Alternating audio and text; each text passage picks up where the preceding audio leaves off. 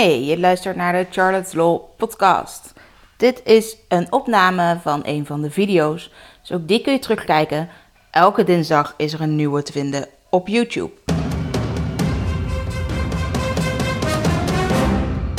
Charlotte, de privacyjurist van Nederland. Nou, de AVG is natuurlijk in werking getreden afgelopen voorjaar. Dus de Algemene Verordening Gegevensbescherming. We hebben inmiddels ook de uitvoeringswet daarvan.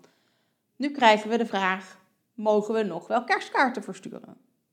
Nou, gelukkig is het antwoord daarop ja.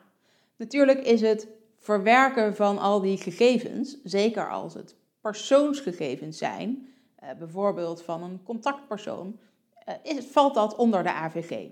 Dat was hiervoor onder de wet bescherming persoonsgegevens niet per se zo, omdat het dan namelijk alleen maar ging om automatische verwerking van persoonsgegevens. En nu gaat het ook om alle gegevens verwerkt in een bestand. Nou ja, dan kun je natuurlijk het opschrijven van zo'n adres misschien al wel een bestand noemen, of in elk geval het adressenlijstje van iedereen aan wie je het wil sturen dat je samengesteld hebt.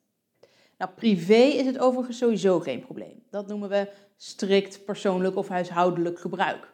Dus privé kerstkaarten versturen mag per definitie. Wil je het nou zakelijk doen, dan zou je het ook kunnen sturen naar de bedrijven zonder de naam van een contactpersoon daarbij.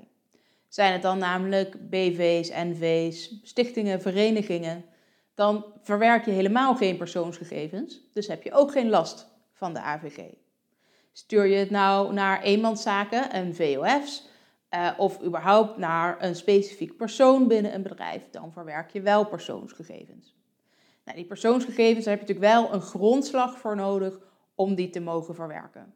Nou, in de basis heb je die gegevens natuurlijk gewoon omdat het uh, klanten zijn of vanwege gerechtvaardigd belang, omdat het uh, relaties zijn bijvoorbeeld. Dan mag je die gegevens wel hebben. Nou, mag je dan ook die post versturen? Ja, in principe zou ik zeggen, daar heb je ook een gerechtvaardigd belang voor. Hè, om dat klantcontact warm te houden. Je moet dan wel altijd de afweging maken tussen jouw belang hè, als bedrijf dat graag die kerstkaarten wil versturen en het privacybelang van de personen naar wie je die kaart wil versturen. Nou ja, is een kerstkaart versturen een heel ingrijpend iets op de privacy van iemand?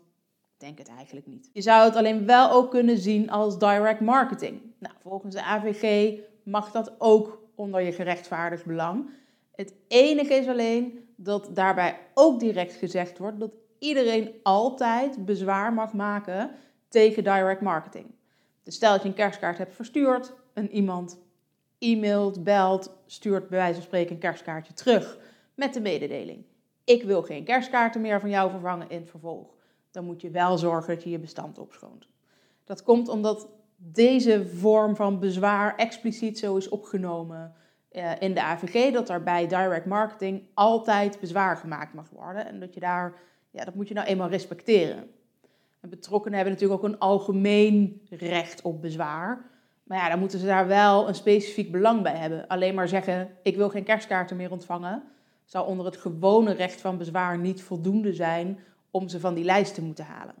Maar omdat we deze post op deze manier als direct marketing kunnen zien, als dat zo is, als het een echt persoonlijk kaartje is, misschien niet. Maar bijvoorbeeld de kerstkaarten die wij dit jaar eh, de deur uit doen, ja, dat is toch wel een vorm van marketing. Als iemand dan zou zeggen, dat wil ik niet meer, dan moeten ze toch van de lijst af. Omdat ze dus op basis van de direct marketing bezwaar maken. Ik hoop dat ik je een beetje gerust heb kunnen stellen en dat je gewoon lekker kerstkaarten gaat versturen. Het is toch alleen maar leuk om te ontvangen.